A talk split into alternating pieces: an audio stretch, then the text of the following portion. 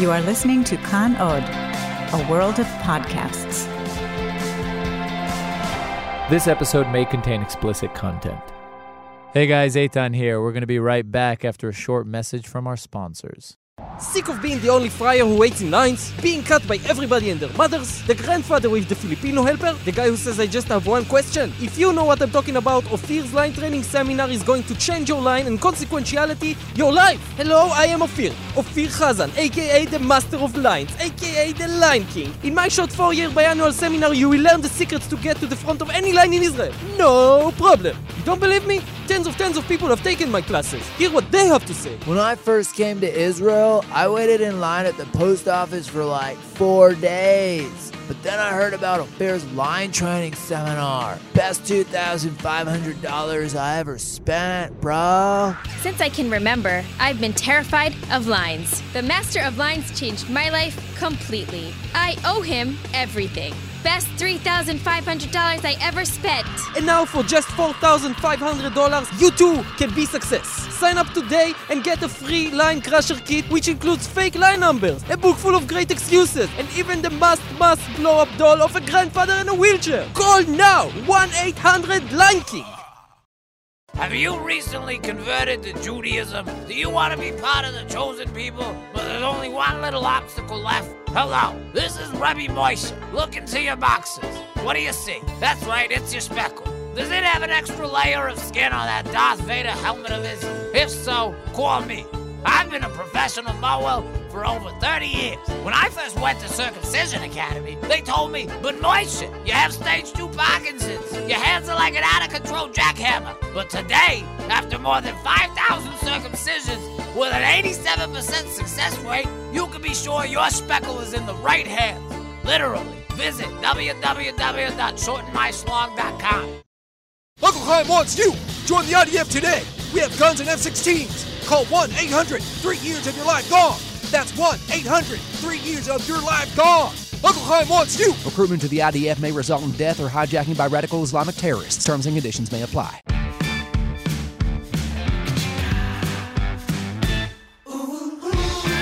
Hi, I'm Eitan Weinstein, And I'm Naor Menninger. aka Two Nice Jewish Boys, and this is the Melting Podcast, a show about what it's like to become an Israeli. Oh, lines. The very simple concept that never reached the Middle East. So, what we've done for you guys is we've put together a list, a guideline of lines, if you will. Okay, so line types. The line of trust. This is the most common line in Israel. It's an amorphous line which relies on the concept of trust. The common culture is to calmly and confidently approach said line and ask, Who's last? Or in Hebrew, Mi acharon. And upon receiving an answer, cordially reply, Ani acharecha. I'm after you. The Horde is another common line which actually predates the line of trust on line chronology. This line was first documented by the famous Roman Jewish historian Josephus Flavius when he witnessed a horde of barbarians pillaging through the countryside, each yelling, I'm first. Okay, such lines survive to this day, actually. They can be found scattered throughout the city, leading onto a bus or a train or in front of a kiosk. And then there's the civilized line, and we owe it to the technological revolution. The protocol for such lines is simple receive a number at the beginning and wait for that number to be called. If the dispensary machine for numbers is broken, however, refer to the horde. And then there's the line of no return, comprised by a set of many little to medium sized lines, from which you must choose to faithfully commit to one. There's an old Yiddish proverb about these lines. Leinen von Michen, nicht Leinen vom Stichen, which basically means never switch lines. So, as you guys know, every week we bring Olim into the studio to share with you their stories. This week we have with us Isak Kohaly, who came all the way from Italy to study film in Tel Aviv. Also in the studio, Hagar Levy. She's going to play some great music for us, so stay tuned. Hello, Isak. Hello. How are you? I'm good. So, Isak Kohaly? Yeah, exactly. Which is Kohaly. My, my, my, many people pronounce my name in a different way. There have, have been many versions. Isak is a ole from Italy, right? Exactly. Where in Italy? I was born and raised in Padova, Padua in English, which is a city, medium-sized city in the north east of Italy. It's really close to Venice. Where they go with their noses up. People in the north of Italy are stuck up. No, I mean, not really stuck up, but I think the general stereotype in Italy is that all Italians have like heavy mustaches and are part of the mafia. Like, kind of the stereotype you see in American movies, but I feel that applies a little more to the south of Italy, and in the north, people are more. Uh, maybe snob, maybe a little more middle class. But in the south, everybody has heavy mustaches. Of course, of course. mafia. Everyone, every single one of them. If my friends from the south heard this, they would probably kill me. Oh, they will. They, They will, will. send their mafia friends after you. Exactly. They'll be like, "How dare he say that?" I can That grow a my mustache, mustache. so I can throw them off. Yeah. So when did you come here? I came here about four, almost four years ago. And why would you come here from Italy, the best question. and most beautiful country in the world? I mean, eh, I mean, most beautiful country in the world. It is indeed. I am. I apologize to all the listeners, but there's no other country that is more beautiful than Italy. What? But of course, Wyoming. America, America, Wyoming, Montana, I will not comment on this. Alabama, but Nebraska's Texas. beautiful. Nebraska. There it is. There it but is. not Alabama, but mm, yes, Nebraska. no, anyway, it, Italy is really, really beautiful. The only issue is that I wanted to pursue a really specific dream that in Italy would it would have been maybe a little more difficult. The crisis, the economic crisis, hit Italy really hard, along with Spain and other countries in Europe. So it sort of started a lot of unemployment amongst the young people in Italy. And it's really hard to make a career for yourself in Italy, especially in the arts, I believe. And I really wanted to study film and Mm-hmm, enroll into a film school. But in Italy, there aren't many choices, and they're really worthwhile choices, like admit people every four or five years. Did you try to apply to schools there or work in the I- industry? I didn't actually. I wanted a change of air, so Mm-hmm. I thought. Well, m- my two options are I can study in Israel, or I can maybe try and get into a fancy school, maybe in the UK or uh, America, US of A. But uh, Best country in the world. it, yeah, Nebraska. uh, film schools in Nebraska. were Oh, lacking. those are so prestigious. But no, I, I mean Spielberg is from Nebraska. Really? No, no. Oh, okay. Wow. Um, But, isn't it ironic, though, uh, Isak? Because Italy, it's one of It is ironic. It really is ironic. the I'm- country of cinema, basically. It's true. It, it's definitely true. And there's a lot of really good cinema, modern Italian cinema. But I saw that Tel Aviv University had a great film school, and uh, there were many advantages, which is that they would pay for my studies, one, and my sister already lived here. And uh, Tel Aviv is a fun city. I mean, So all the I- fuss about Tel Aviv is accurate, you would say? Maybe I'm not sure. Like Padova is a great city. I love Padova, but it can get a bit boring after a while. And I needed a change of pace, so I came to Tel Aviv. And uh, Tel Aviv is really nice. It can be a handful sometimes, but In what ways? I mean, it's very fast paced and it's really hard to connect to people. That's what I found actually in my experience living in Tel Aviv that I've been living here for 4 years and I started feeling like I had a routine and a circle of friends only after 3 years, which is basically like yesterday. Really? Yeah, because like people come, people go, people uh, stay for a while and then leave, and it's kind of like you get the feeling that you're basically uh, living at a train station of sorts. Like people Huh. come and go all the time, and it's really hard to make. And people in Tel Aviv are really friendly, but what I discovered after a few years that even though they warm up to you, they also keep a distance. Like Mm. being friendly doesn't necessarily mean that you establish a relationship with Yeah. someone. Like you can They're just naturally warm. That it's not necessarily uh, Yeah. signifying a connection. exactly. So tell us, how's the dating life? Uh, uh, you know, in Tel Aviv related uh, as opposed to uh, Padua. What's different? What's similar? Is it better? Is it worse? I mean, what is different in that is that in Tel Aviv there's probably 50 times the amount of gay dudes there are in Padua, Okay. which is already a huge change for Well, me. officially. officially. Yeah. we know that Tel Aviv is a high point of convergence for all types of gay people. Yeah. So So it's definitely like a more successful dating life. yeah, I'm. um, what is successful? Yeah. it depends what Anything you're better after. than Eitan's is successful. it depends what you're after. yeah, I mean, this podcast could get weird really fast. Let's go. Let's No. make it real I mean, weird. Let's say that I would like it, it- it's it, what I said earlier about friends applies. I think also about dating that there are so many options and so many people Uh-huh. that it, it becomes confusing at a, at a certain point. Like if you want to connect to somebody, you can do that, but because of the huge amount of people it's it, it becomes increasingly difficult similarly to what i said about the friends like you can date one person and then after like a very successful date. They're like oh great amazing. And then you never hear from them again even though it was like legitimately Yep. nice. Happened to mm-hmm. be. and that yeah. And that that happens to me like daily. Right. so yeah it becomes really frustrating. Like you kind of feel in the social area you, you need an anchor of good friends and people you can rely on. Because if you don't and there were times that i really didn't have those people as i said before it can become overwhelming So how's the uh you're still in film school? i am still in film school You want to graduate eventually? i want to let's see what That's happens a sensitive- You sound like a Jewish mother. You want to graduate eventually? You sound like my own mother, Yeah. actually. Oh, that's um, me. Uh, yeah, I mean, I'm trying to graduate. I just made a film now, like a, one year ago, a documentary short. And What now was what is it about? it's How is it called? It's called Isaac's Best Christmas Ever, and it's about myself.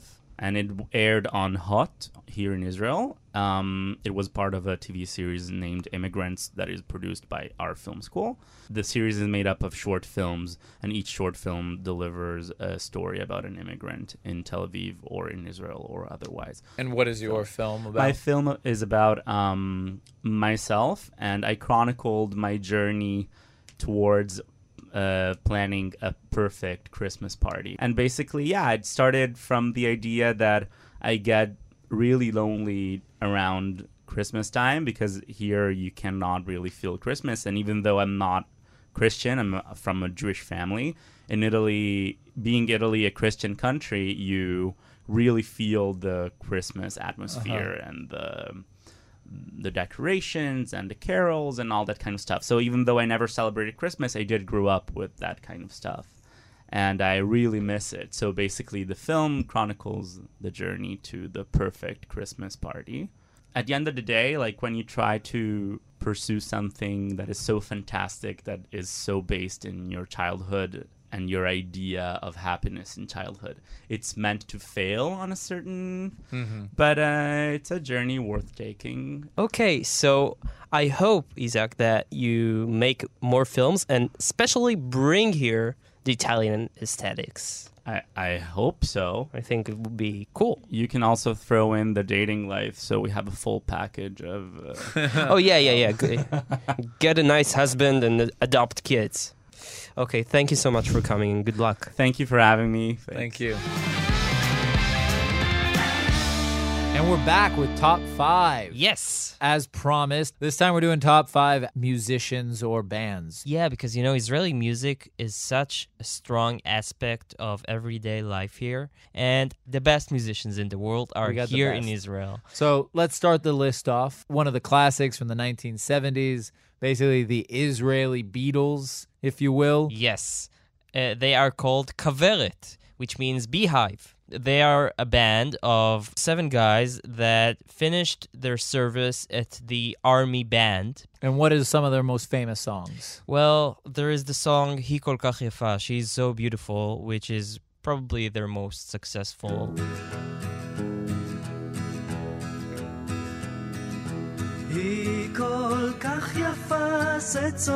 בלב שלך, אך בכאב עצום.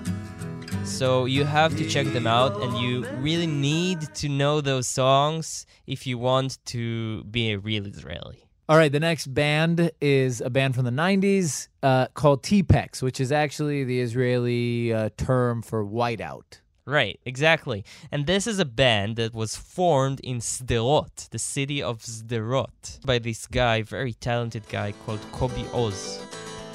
הנה אנשים מגולגלים בתוך נייר עיתון.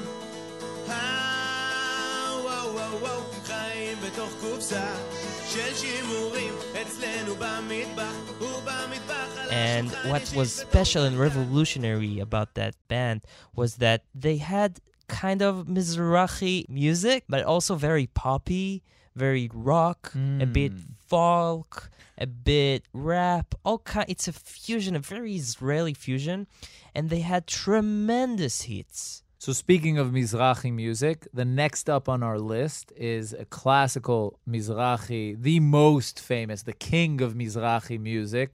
Like Elvis was the king of rock, Zohar Argov was the king of Mizrahi music. Yes, and he got famous in the 80s. At the time, the Mizrahi music flourished in a little cassette industry that was sold like in the central bus station this because the, the radio wouldn't play these songs. And what's really interesting about Zohar Argov uh, is that he teamed up with a Romanian Jew who is called Nancy Brandes and he produced his first albums. So he brought a very Ashkenazi uh, way of producing music to Zohar's songs. Uh-huh. So when you listen to these songs uh, and you hear this huge orchestra and and this um, very Mizrahi tunes and way of singing, and when you blend it together, you get a very interesting Israeli music. Oh.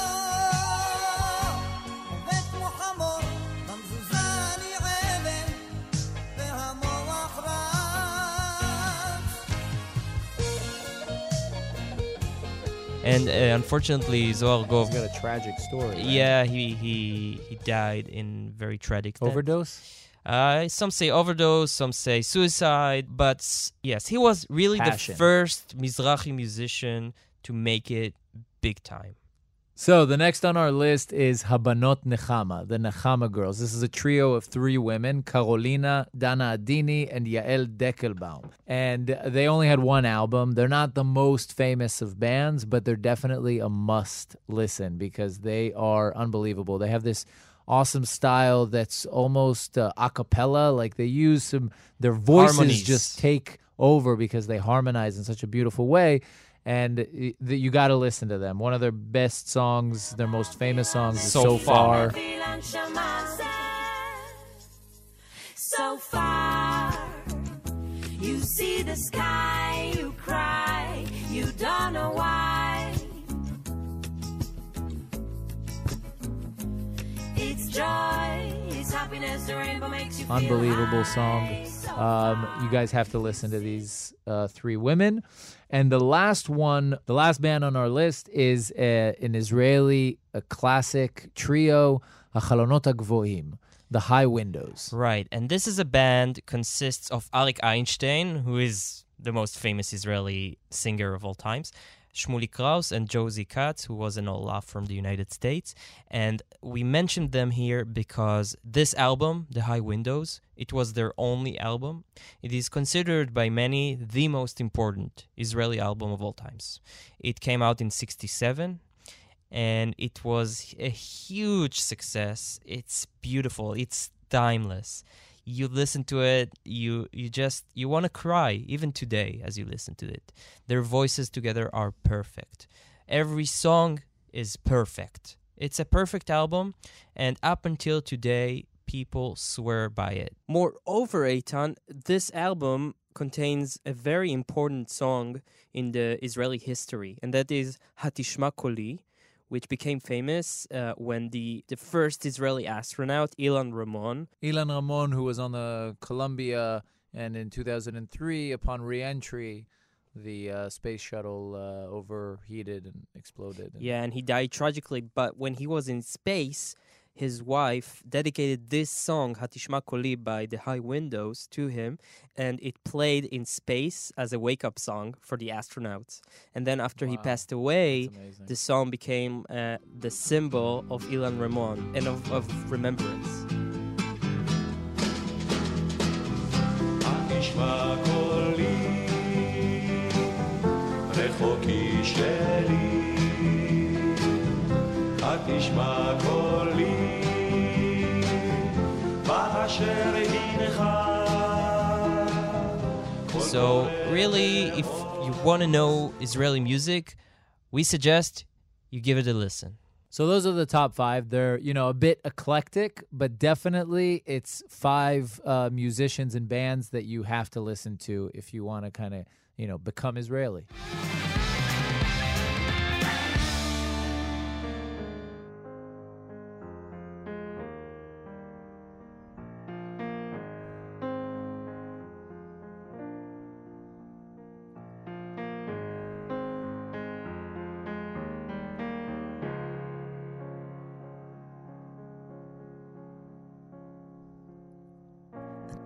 Set, the storm is coming.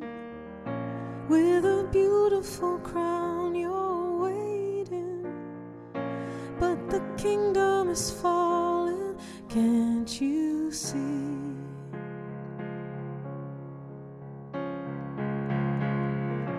Please step down from the throne, it's over. Just reach out, you know I'll Let's turn over a whole new page. It's time. Cause the world outside is hectic, but things are good with you. And wind and earth and fire are in sync with me and you. I try to weigh your sadness, it weighs me down we've got so much light to spread. Oh, oh, yeah.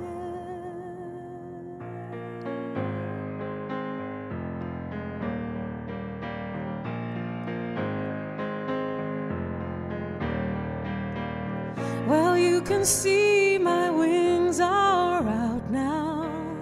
You've been so busy inside your fortress.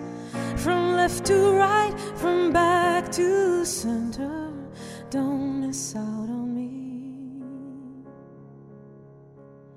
Cause I will never give you up. But sometimes I, I just forget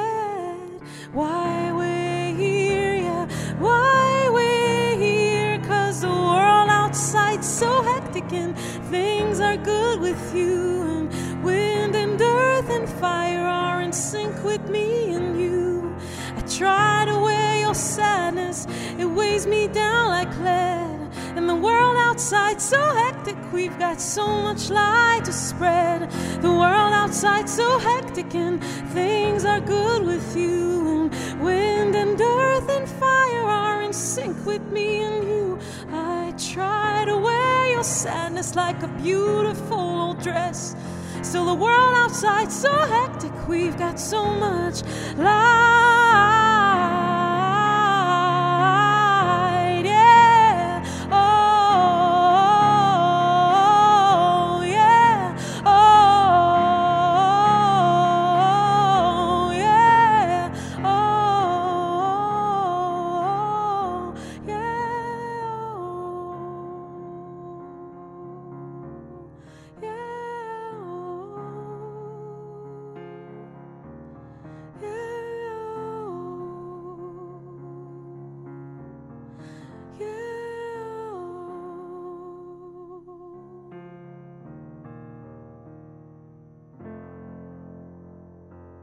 So we just heard Hagar Levy, who's here with us. Hi, Hagar. it was Hi, beautiful and amazing. Thank it's you a so, beautiful so song. much. Thank it's you. a beautiful love song, but there's something like melancholic about, bittersweet a little bit. It sounds like almost like a little bit like you're confused. In the song. Yeah. Oh, very much so. It's interesting you say it's a love song. Actually, I think it's like um, I, I tend to call it my generational ballad. Uh, Okay. yeah, it's actually I actually wrote it about my parents. Really? So it is a love song in a way about um yeah, about the previous generation and misunderstandings there's a keep conflict. Yes, Yeah, yeah. definitely, definitely. And so, what do you mean uh, uh, when you say you you try to wear their sadness? Kind of the, the disappointment or the uh, um yeah, maybe they had expectations of the world and Mhm. of me. The song is more optimistic than I am sometimes, maybe because uh, uh, the line says, um, the hook says, um, "There's so much light to spread, so maybe we should just accept that we're different." Mhm. and kind of maybe cooperate and make the world a bit better. Do you find that um, that and stay optimistic, basically? Do you find that the music sometimes gives you an opportunity to be what you're not, what you what you wish you were? Definitely. I wish Yeah. I, I'd also go a bit further with that because I keep writing very personal songs. This Mhm. one is more one of my more general ones, actually. The other ones are so personal that it's a bit of a problem. Ah. Maybe. Really? Yeah, I should be more fantastical in my, you know, It's endeavors. like shit. I should not have revealed that. You That feel stuff like that. So you feel very stuff like exposed on stage performing it. extremely, extremely. How do you deal with that? It's not an easy thing. Mm, some days better than others. Um, it is hard, actually. Yeah. Hagar, you are in Olau. No, I left the country when I was one year old. Okay. and I came back when I was 15. So I got some of the rights as, as a Toshav Ole Jose. Yes, so, yeah, yeah, yeah. Where to? Where'd you um, to, move to Antwerp. To, Antwerp, To, ah, okay. Yes, to northern Belgium, to, to Flanders. So you speak Flemish. Yes, yes. Flemish is, is the local Dutch. Uh-huh. Um, so it's just the Dutch you hear in, in Holland, but with a different accent, little flat accent. Cool. So where can we find your your music and where can we stay abreast of your your shows and Oh, what's coming up? definitely. I invite you all very uh, warmly to my uh, Facebook page, which is uh, Hagar Levy with AY, guys, and um, YouTube and Facebook and uh, SoundCloud, and of course Bandcamp. The, the albums are on there. How many albums? Uh, two. One is an EP and one is a an album, and I have them for you here, guys. Is a little really for you guys? Yes, the physical ones. Nice. for Oh my you, God! For the, for your car or How do how do we even use those anymore? I know. It's for glasses. Hit them against the phone and then hopefully for the beer. plays. And Thank I you saw so her live, much. and it's amazing. Thank you so Uh, much, guys. It thank a you. It great was time. beautiful. Thank you. What's going on, man? All is good, man. What about you? Just kind of thinking about how you're so different than me. you're, Am I? You are. Well, you know, maybe it's because I had a sane childhood. Yeah, yeah, and I was uh, raised by lions and wolves in the jungle. in the jungle. Not far from it, though. I mean, you grew up in the States, right? Yeah. Where did you grow up? I grew up in Birmingham, Alabama. Right. Heart of Dixie, down south, the Right. dirty south. Right, right, Home right. of Forrest Gump. Uh, he's not actually from Birmingham, but Did you go to Jewish school? Well, no. uh, In Bir- I lived in Birmingham until I was 13 years old, and then we moved to Atlanta, and there I went to a Jewish school. But, But in no, Birmingham, Alabama, I went to a school called ASFA. I'm not even kidding. Uh, I love that name, ASFA, Meaning? which is just like one sound away from a very different word that is totally inappropriate for a school. right. It's it's like I go to ASFA. You Come on! I go to ASFA. Come on. No, so I went to a school called ASFA. It was actually Alabama School of Fine Arts. Before that, I went to public school, went to a school called Epic. Whoa. In Epic, here's something that I bet you didn't have in Israel. When my mother uh, signed me into that school, she had to fill out a form and uh, check whether or not she wanted to give permission to the teachers to beat me. What did she put in? I can't tell you. no, but seriously, they actually had uh, corporal punishment in schools back then. Really? I mean, back then. I'm 28 years old. Back then, I'm talking Man, like it's back then. I'm talking. I'm talking 20 years ago. Yeah. People in San Francisco and New York, they didn't have this. The South was a different place. So you had kids in one in one classroom. Some were allowed to be beaten, and some weren't. Some were allowed to get. I mean, beaten is like a hard term, but yeah, basically spanked, Slapped. slapped. There was one mother I remember who didn't check either of the boxes. She checked, "I want to beat my own child, and I want you to call me in to do it." And so That's kinky. One day, we actually, I remember during nap time in kindergarten, it was like kind of dark in the classroom. The mom came in, and I don't even remember what this girl did, but she did something to get in trouble. And the mom fucking held her child up by one arm and just spanked her for the whole in front of the whole class. Yeah, That's, man. So uh, childhood in the states was great. in, with us, violence was an issue. In in middle school uh, there was a bunch of kids uh, from lower socioeconomic background who were violent towards teachers, and that was a little messy. Really? Yeah, and What they? Also the most memorable scene was that one of the guys in my class snitched on one of those boys, those troublemakers, and when he heard that, he just went into the classroom in the middle of the lesson, went straight to that kid, and started strangling him. What?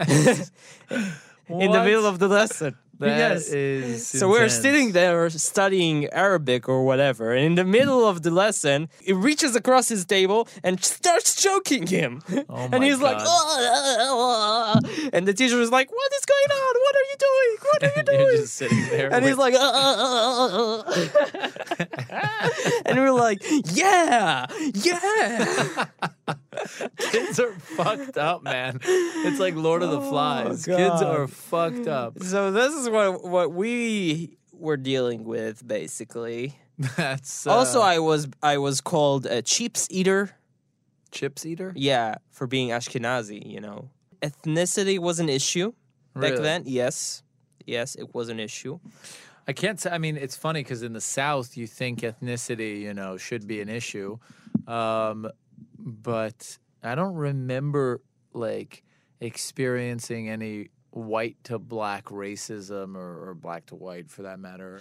But um, I remember doing a project when I was a kid on for uh, Black uh, History Month. Yeah. which is in February in the states. Uh huh. Doing a project about Martin Luther King, and the civil rights, and I went around asking all like uh, I had I interviewed like old neighbors of mine and stuff to ask them about the civil rights movement and like Wow. you know people that were alive back then. Yeah. And everybody was always like, "Yeah, it was a horrible thing to do, back you know, like the way they treated them." And I was like, "Every if everybody thought it was horrible, where are the people that were doing this? You're gonna want to talk to Jim down the street? I don't, I don't know." But it it was a good childhood. I cannot complain. All in all, in the end of the day, I'm happy that I am me.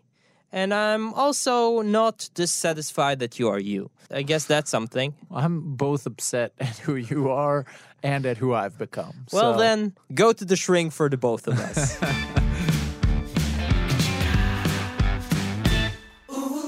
And that's all for the episode, guys. we want to thank Rom Atik, who helped us with editing this show, and Eyal Schindler, who produced it. Big thanks to Sarah Markowitz and Josh Bloomberg, who helped us with the sketches. Sarah Markowitz is an incredibly funny stand up comic and actress. Check her out on Facebook, guys, at her page, Sarah Markowitz Comedy.